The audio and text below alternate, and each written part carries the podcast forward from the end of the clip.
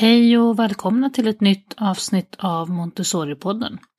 Idag blir det mer café igen. Montessori-sällskapet Mer anordnar dessa några gånger per termin och för det mesta brukar jag kunna spela in dessa för att även ni som inte deltar kan lyssna och använda de här för diskussioner i ett arbetslag. Denna gång blir det musik med Sofia Lindström Reback. För några avsnitt sedan samtalade Sofia och jag om musiken i Montessori-klassrummet. Men det här avsnittet är delvis annorlunda, så det är väl värt att lyssna på även för er som lyssnade tidigare. Det plingar till ibland under Sofias introduktion och det är notiser från någon av våra datorer och visar sig vara svårt att redigera bort. Hoppas att det inte stör för mycket. Mot slutet läser Sofia också upp de diskussionsfrågor som deltagarna fick med sig ut i grupperna att diskutera. Och de kan ju ni också använda efter att ni har lyssnat. Dela gärna med er av era erfarenheter och tankar på Montessori-poddens Facebook-sida. Jag heter Maria Schacki och gör denna podd för Montessori Sverige. Nu lyssnar vi på Sofia.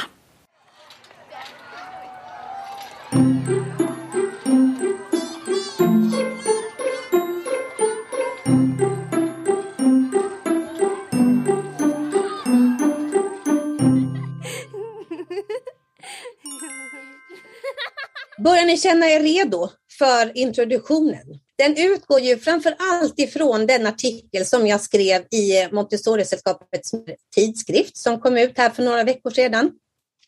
Och den artikeln baserades på det utvecklingsarbete som jag skrev om Montessori-pedagogik och musik. Ehm, jag skrev den för, vågar jag knappt säga hur många år sedan det är, så det gör jag inte, men ganska många år sedan när jag läste Montessori-pedagogik på Malmö universitet. Och utgångspunkten är ju det att det är så otroligt lätt att arbeta med musik i våra Montessori-verksamheter, bara vi vågar. Så att jag hoppas att det här, den här introduktionen och artikeln, som jag också hoppas att ni kommer att läsa om ni inte har läst den, kommer att leda till att vi alla så småningom jobbar med musik i våra Montessori-verksamheter. Då ska vi se vad vi har att bjuda på idag. Musik i Montessori-förskola och Montessori-skola. Musik, ja det är ju någonting som finns i alla kulturer. Och musik är någonting som berör alla människor på många olika sätt. Det kan beröra kroppsligt, det kan beröra tanke och känslomässigt. Och musik är också någonting som är en viktig del i vi människors sociala gemenskap. Musiken kan också påverka människors identitetsutveckling. Och när vi pratar om musik så då är det stor vikt att vi nämner musiken också som kultur eftersom musik för många människor och samhällsgrupper är ett viktigt identitetsskapande uttryck. Så att ni håller med om att det inte finns många saker som bidrar till en upplevelse av gemenskap och tillhörigheter som just gemensamma sång, dans och musikrepertoarer. När vi pratar om musik så pratar vi också mycket om just musikalitet. Och Gedelund beskriver musikalitet på det här sättet. Musikalitet har att göra på musikens område. Och musik har att göra med rytmiska ljud, rörelse, toner, känslor, språk och kultur lika mycket som med musiken som produkt så handlar musikalitet om vår medfödda förmåga att låta, göra ljud, röra oss, känna, uttrycka, språka, ingå i en kultur och uppleva och förstå musik. Musikalitet är därmed någonting genuint mänskligt, en viktig del av allas medfödda begåvning. Och precis som i alla andra ämnen, i både vår förskola och vår skola, så är det stor vikt att barnet känner att uppgiften är meningsfull och att det känner att det blir ett meningsfullt samspel mellan barnet själv och omgivningen. Sen är det väldigt, väldigt viktigt att den vuxne är genuint engagerad och att den vuxnas uppsåt är ärligt. När vi sen kommer till just rörelse, ljud och puls eller rytm så, så delar många musikvetare och musikteoretiker in musiken just i just de här tre musikaliska grundelementen. Vissa räknar också med ett fjärde grundelement och då menar man det personliga uttrycket eller det personliga intrycket. Gedelund menar vidare att när skolan tar fasta på just musiken som ett språk, som känsla, som ett personligt uttryck och social gemenskap, så finns det i musiken oändliga möjligheter till både personligt och socialt lärande, men även utveckling i, ett, i en lustfylld form. Och det här, det gäller inte bara de vuxna, utan det gäller framför allt för barnen. Som pedagog så är det ju otroligt viktigt att vi alltid känner till de olika samhälleliga förändringar som sker och hur de här förändringarna påverkar våra barn och barns musikskapande och vad de då får, får för förutsättningar. Förr i tiden när man pratade om musik så utgick man oftast ifrån den klassiska musiken. Men i dagens samhälle så är det ju faktiskt populärmusiken vi ofta utgår ifrån och framför allt också massmedias inflytande över musiklivet. Så vad sa då Maria Montessori om musik? Vad var hennes syn på musik? Montessori tyckte att musik var någonting väldigt, väldigt viktigt. Men hon själv hade inga direkta kunskaper om musikundervisning. Därför så bad hon sin assistent Anna Maria Maccheroni som då var mycket intresserad av musik, att utveckla ett musikprogram som innefattade Montessoris undervisningsprinciper. Och den här metoden eh, den kallar, kallades framför allt från Kerstin Signet för Montessori-musiken. Det är så härligt Kerstin att du är med oss här idag också, för att jag utgår ju mycket från din Mitt i musiken när jag skrev både mitt arbete och även artikeln. Så du sitter liksom som en främsta källa här. Känns ju både spännande och, och härligt. Kan du också dela med dig sen av dina kunskaper. Om vi då ser sen till sång, lyssnande, rytm och rörelse, komposition, instrument, historia och även litteratur så samlade Macron de här sakerna i sitt musikprogram eftersom det är de delarna som man vill väcka intresse för. Kerstin Signe skriver att barnen behöver utveckla sin rytmkänsla, sin musikalitet och sitt språk med hjälp av sång och musik. Barnen måste få möjlighet att arbeta med allt musikmaterial. Dessutom är det viktigt att barns musik ska höras av den grupp eller den avdelning de tillhör och att de får erfarenhet av att spela för människor som lyssnar. Det speciella med musiken inom Montessori-pedagogiken det är att den innehåller en musikalisk helhet. Allt finns med. En lärare som jag hade när jag läste min Montessori-pedagogikutbildning, Siroini, hon skriver att det är så lätt att fascineras av de fina klockorna och tonstavarna och tro att det är allt. Men den stora grundläggande delen, det är det musikaliska hantverket, sången, dansen, rytmen, kroppens rörelse till musiken, tankens närvaro samt gemenskapen och kommunikationen som bildas i gruppen när man gör musik tillsammans. Även inom musik så är ju den förberedda miljön en av Montessori-pedagogikens hörnstenar. Montessori ansåg att musiken ska höra ihop med matematik, med språk, med historia och andra ämnen och att musiken är nödvändig och en viktig del av barnens skoldag och barnens vardag och liv. Montessori menade även att det var lika viktigt att barnen fick lära sig musikteori och att läsa musik som att de lär sig bokstäver och att vi därför även ska lära barnen läsa noter och andra musiktecken. Det är otroligt viktigt att vi därför arbetar med musik på samma sätt som vi arbetar med andra ämnen i skolan varpå vi även inom musik ska ge barnen samma frihet som gäller även i andra ämnen. Vi litar ju på barnet och vi litar på att det tar hänsyn och respekterar varandra i sin vardag när de arbetar med alla andra ämnen. Så därför så bör det ju vara en självklarhet att vi gör detsamma när vi också jobbar med musik. Ett barn kan ju faktiskt alltid leta upp någon annan plats där barnet kan arbeta med musikövningarna utan att det stör någon annan. Något som är viktigt och som Montessori betonade, det är att musiken ska ingå som en daglig naturlig del i sitt arbete, barnens arbete och där det passar in. Vare sig det är individuellt arbete, små grupper eller i helgrupp.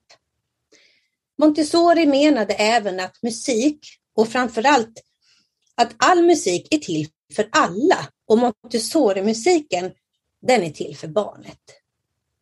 Det gäller att försöka frigöra och utveckla alla resurser hos barn och, och, och hos våra unga så att de kan utveckla hela sin personlighet, så att de blir hela människor. Därför måste vi hjälpa barnet att skapa ett aktivt intresse för musik som håller i sig för resten av livet. Ni ska här få se min yngsta dotter när hon var fem år, gick på Montessori-förskola och se hur hon faktiskt skriver musik.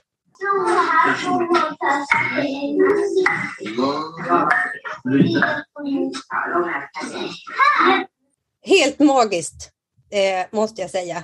Ett strålande exempel på här att musiken är en naturlig del i den här förskolan. Eh, och hon, fem år, skriver ner de tonerna som hon spelar. Här är ett annat sätt hur man också faktiskt kan spela eh, musik.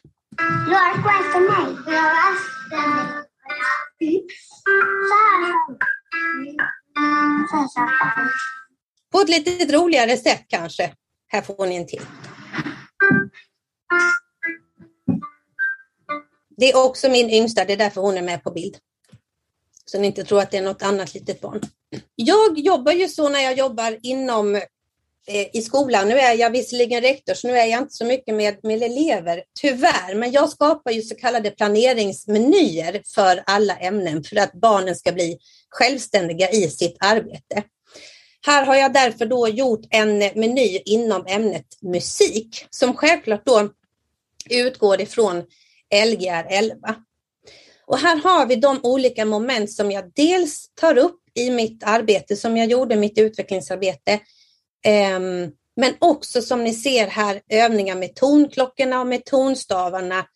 Och här har du sån här planeringsmeny så är det väldigt, väldigt lätt för barnet att bli självständig i sin verksamhet. För då kan barnet planera in notskriftens historia till exempel och kan sedan självständigt arbeta med det.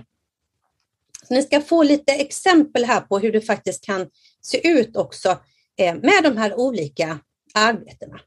Musikens tidslinje är eh, egentligen det det faktiskt den huvuddelen jag gjorde i mitt arbete. Och jag utgick ifrån en tidslinje eftersom tidslinjer är någonting som är centralt i våra Montessori-verksamheter. Det material som då behövs, eller material, det är ju då främst en tidslinje som är färgkodad efter de olika musikepokerna. Det är även rubrikkort till och faktakort om de olika musikepokerna. Eh, nu fick jag ett tips från Maria Schacki här när jag blev intervjuad för Eh, Montessori-podden i förra veckan att skapa musiken på QR-kod, så det ska jag faktiskt utveckla och ha till. Annars så har jag haft det på en CD-skiva eller nu då på Spotify så att det också finns då exempelmusik som är kopplad till, till varje epok. Här kan man ju då som presentation välja att antingen rulla ut hela tidslinjen på en och samma gång och de olika epokerna efter det, eller att man arbetar med en epok i taget. Det kan man ju välja precis hur man själv vill. Samma tidslinje används sedan när vi går igenom kompositörer genom tiderna. Och även här rubrikkort som ni ser, kompositörer, faktakort om de olika kompositörerna och sen då deras mest kända verk. Instrumentens tidslinje, där ser ni den här tidslinjen igen och liknande arbetssätt. Det som är positivt när det är ett liknande arbetssätt det är ju att barnen också då lättare blir självständiga. Har de fått en presentation en gång och vet hur de ska göra så, så är det mycket lättare för dem att sen bli självständiga. Och som ni ser alla de här tre som jag presenterat hittills, då behöver du inte kunna sjunga en ton för att kunna arbeta. Eller hur? Här kan vi också ta in exempel på olika typer av instrument. Det kan ju kanske vara lite svårt att få in en oboe, men panflöjt till exempel, blockflöjt, så att man också kan ytterligare konkretisera de olika instrumenten. Sen har vi de olika instrumentgrupperna som finns i en, eh, ja, de olika instrumentgrupperna vi har. Eh, här valde jag att jobba på också liknande sätt med de här så kallade tredelskorten som de flesta barn känner igen även från förskolan. Här kan du också lägga till faktakort om de olika instrumentgrupperna om du så önskar. Och sen är det ju härligt att jobba även med symfoniorkestern. Eh, då gjorde jag så att jag sydde en scen så att barnen ska kunna lägga ut de olika instrumentgrupperna utefter hur de är placerade i en orkester. Och nu när pandemin börjar ge sig så är det ju faktiskt otroligt härligt om man kan besöka någon sorts konserthus så att barnen får uppleva en konsert i verkliga livet. I Stockholm har vi ju otroligt fina konserter för barn på Konserthuset. Eh, och jag kan säga att det är en upplevelse för barnen men också för mig som lärare att få vara på en konsert med barnen när vi har jobbat med det här.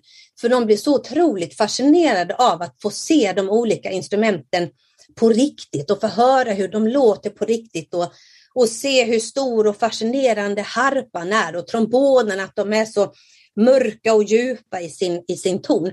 Och kontrabasen och, och den lycka när man hör de här sju, åttaåringarna som jag mest har jobbat med, att de faktiskt kan namnen på de olika instrumentgrupperna.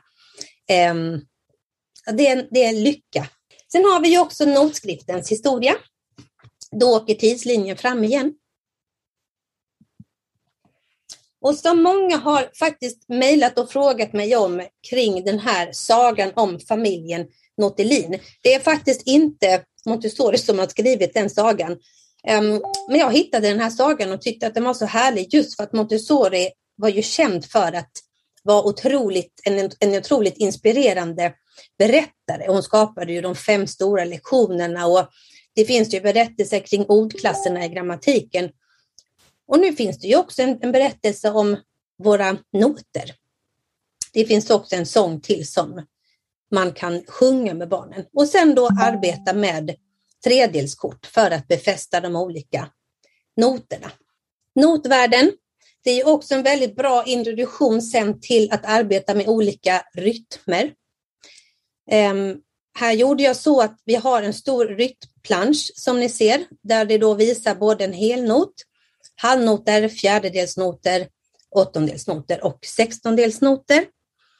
Eh, och sen hur vi kan bygga bygga ihop den här rytmplanschen med hjälp av de olika eh, delarna. Även en liten beskrivning av vad de olika noterna består av och hur de ska låta. Och det här är lite abstrakt, så självklart så jobbar vi ju med hur de låter genom att klappa och genom att gå eh, och även sjunga de olika noterna. Men just om det är så att man är rädd för att sjunga så behöver man faktiskt inte sjunga noter. Ni såg ju som sagt att Annie, fem år, skrev noter. Eh, Montessori sa ju att, man kan, att vi bör lära barnen att skriva noter precis som vi lär dem att skriva bokstäver och lär dem att räkna. Här är det ju väldigt lämpligt om man använder sig också av till exempel tonklockor eller tonstavar. Ehm, så att man också kan lära barnen hur de olika noterna låter så att det inte bara blir blir väldigt abstrakt, utan fördel är ju att du använder tonklockor, och tonstavar först, som ni såg i filmen där med, med Annie. Eh, när barnen sen har börjat lära sig lite noter och tittar på olika noter och notsystem så kommer de upptäcka att det är massa konstiga tecken och bokstäver. Därför tycker jag att det är viktigt att vi även lär barnen vad de olika musiktecknarna faktiskt står för. Att det inte bara är någon ren grekiska utan att de har en förklaring. Och att vi då också Eh, jobbar med vad till exempel pianissimo, hur det ska låta. Och då kan vi antingen sjunga pianissimo eller så kan vi spela pianissimo. Men att man också förankrar i själva ljudet, hur, eh, vad de olika tecknen har för betydelse. När vi sedan då jobbar med rytmer så går vi tillbaka till rytmplanschen för att förankra just hur var det nu de här olika rytmerna hur, hur lät en sextondelsnot kontra en, en åttondelsnot och en fjärdedelsnot? Så att också barnen får, får dels se det på papper, men framför allt att de får känna och utforska. Och, och framför allt det här utforskandet är ju så härligt just när det gäller rytmer. Eh, och koppla ihop rytmen med notvärdet. Utifrån det så kan ju sedan barnen både klappa egna rytmer men också skriva ner de olika rytmerna. Och vill man så kan man koppla olika små texter eller att barnen får skriva olika texter till de här rytmerna. Och det kan man ju se som en introduktion till att sen också skriva egen musik. Sen har vi ju de här kära tonklockorna som jag tror att de flesta av oss känner till. Men jag tror att många av oss också kan vara lite rädda för dem. Är det någon här som vågar räcka upp handen och säga att så här, japp, de här har vi på förskolan, men vi har dem i ett skåp. Eller vi har dem framme, men ingen vet egentligen vad man ska göra med dem. Jag ska se om det är någon som vågar, vågar erkänna det. Eller ni kanske alla tar fram oss och har dem framme och låter barnen spela. Anna-Karin! Hej! Hej! Vi har dem framme. Ja. Och vi gör parövningar. Mm. Vi spelar enkla sånger. Sen har vi kort där det är ett, två, tre och de kan lära sig vilken klocka de ska slå på. Så så avancerade vi. Härligt Anna-Karin! Ja. Yes! Tack! Superhärligt!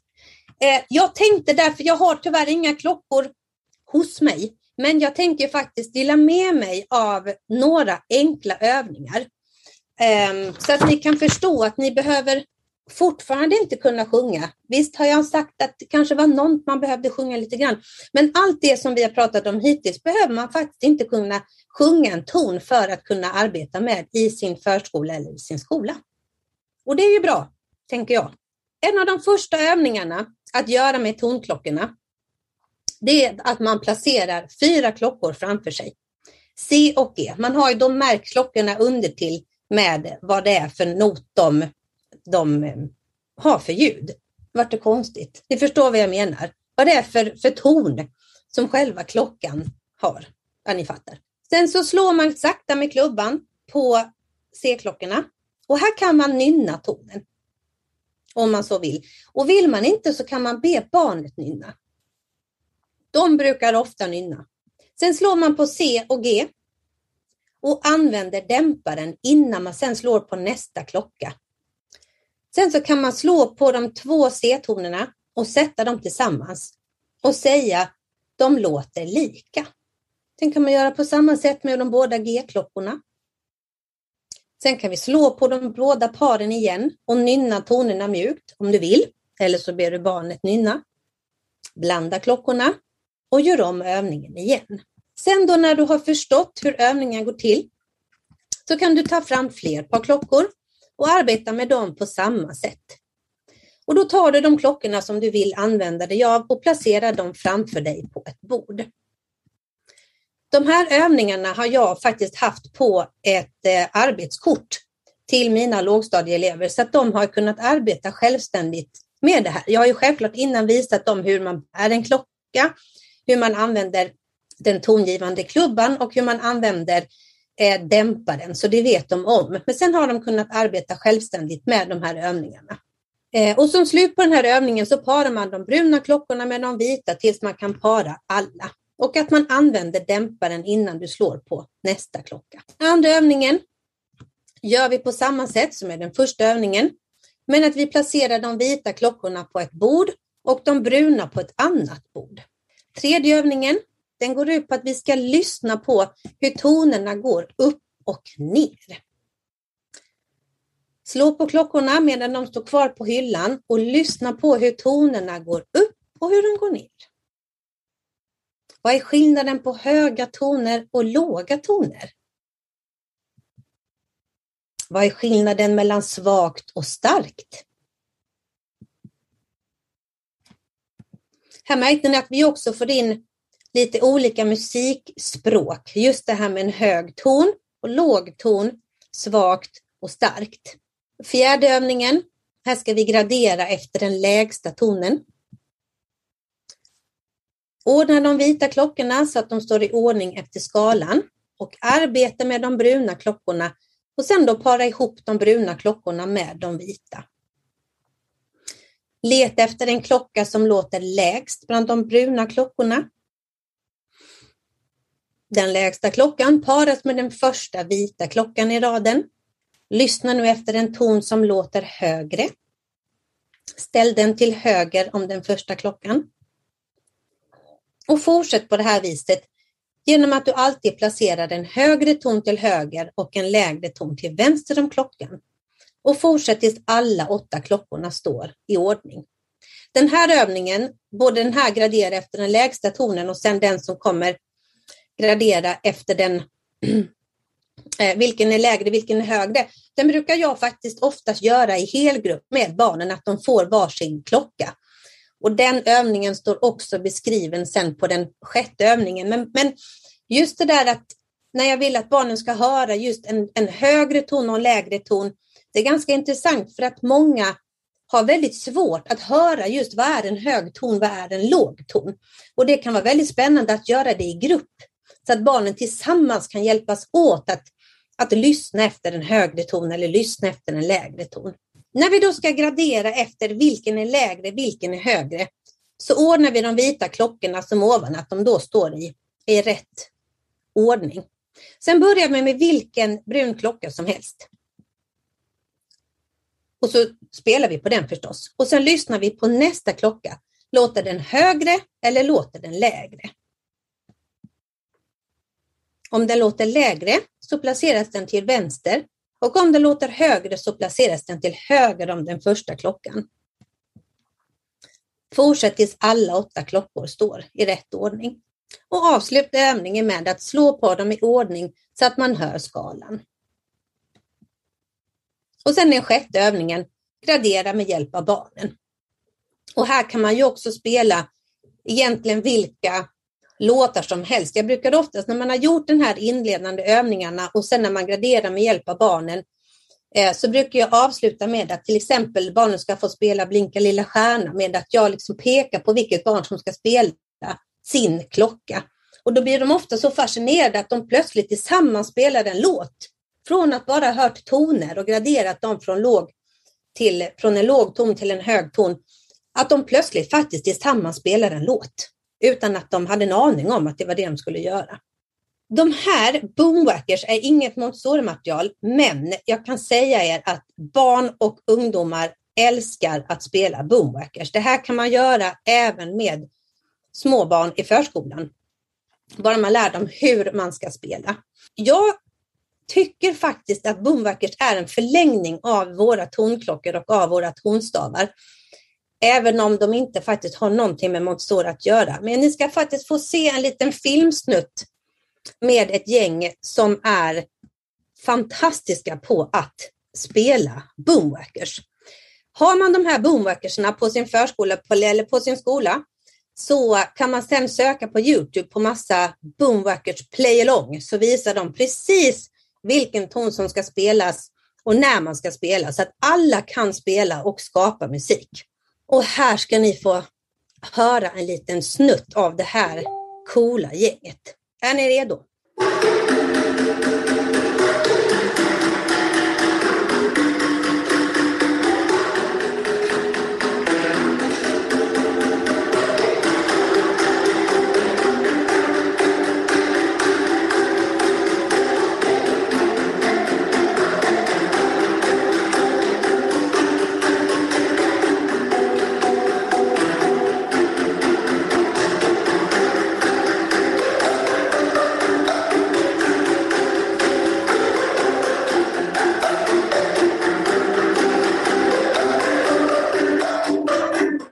Jag tycker de är grymma. Framför allt som sagt så, så är det många elever som tycker att det är väldigt, väldigt kul att spela boomwackers. Så självklart så låter man inte barnen sitta med fyra rör som de här gjorde. De här är ju fantastiska, utan man kan börja med att ett barn får ett rör. Och sen så att man börjar med de här övningarna som är då via eh, Youtube. Fantastiskt sätt att skapa musik tillsammans och man kan vara många. Eh, ett set med boomwackers kostar runt 3-4 tusen. Eh, och jag kan säga att det är en väl värd investering. Det var min lilla intro. Sen har ni fått diskussionsfrågor skickat till er via mail. Men jag tänker ta de här diskussionsfrågorna även här innan vi sen går in i breakout rooms. Först vill jag fråga om det är så att det är någon som har någon fråga som har dykt upp. Ja, hejsan hejsan. Eh, för det första så vill jag tacka för en otroligt inspirerande föreläsning som du har gett oss här på några korta minuter egentligen. Mm. Så mycket uppfriskande tankar. Och jag bara tänkte en liten detalj. Eh, eh, när jag en gång i tiden lärde mig jobba med tonklockorna och sådär så, så då använde man begreppen klubba och slå på klockorna på svenska så att säga. Och jag kände att det blev en sån skillnad när vi ändrade begreppen, att kalla det för tongivare mm. och att vi spelar på klockorna eller möjligtvis att vi tonger. För det, mm. barn i förskolan de tar ju verkligen begreppen konkret ju. Mm. Slår man så gör man så här och en klubba är ännu mer. Så det, det är ett litet tips just vilka ord vi sätter på våra saker. För det handlar ju så mycket om att vårda dem och använda dem på rätt sätt också. Mm. Det, är inte, ja. Så det var mer en sån här liten kompletterande tanke. Men det är en jätteviktig reflektion Charlotte, för det är någonting som jag också verkligen tänker på att jag har ju också upplärt, precis som du, att man ska slå på klockan och använda en klubba. Men jag också upplever att dagens barn, de tar det ganska ordagrant. Så att med barnen så brukar jag faktiskt säga att det här är en tongivare och en tondämpare och att vi spelar på klockan. Mm. Eh, helt rätt, jag borde nämnt under hela presentationen. Jättetack för du, för du nämnde det.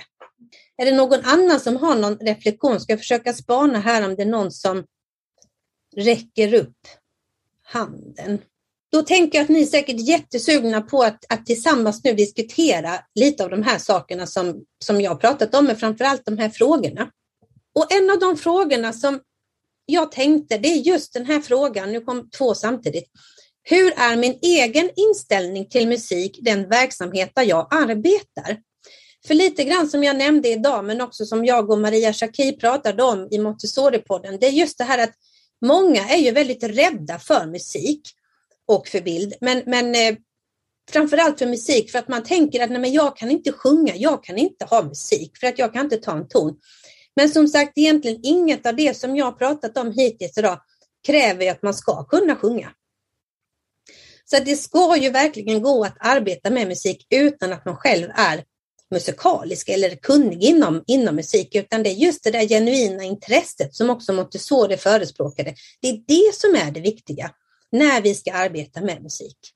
Inspirera barnen och vägleda dem och, och just var, visa ett genuint intresse. Det kan jag gå, gå igång på, så nu tar vi fråga nummer två. Vad i vår förberedda miljö kan barnet själv välja på som stimulerar den musikaliska förmågan? Hur kan vi utveckla vår förberedda miljö så att den bjuder in till mer musikalisk stimuli? Vill vi det? Och varför? Hur ser ni på musiken som ämne i klassrummet? Låter ni barnen vara lika fria och aktiva med den som med matte, läsning och skrivning? Är det lika viktigt att presentera musikmaterialen som annan materiel. Hur kan vi se musiken som en del av den kosmiska planen? Det var de frågorna.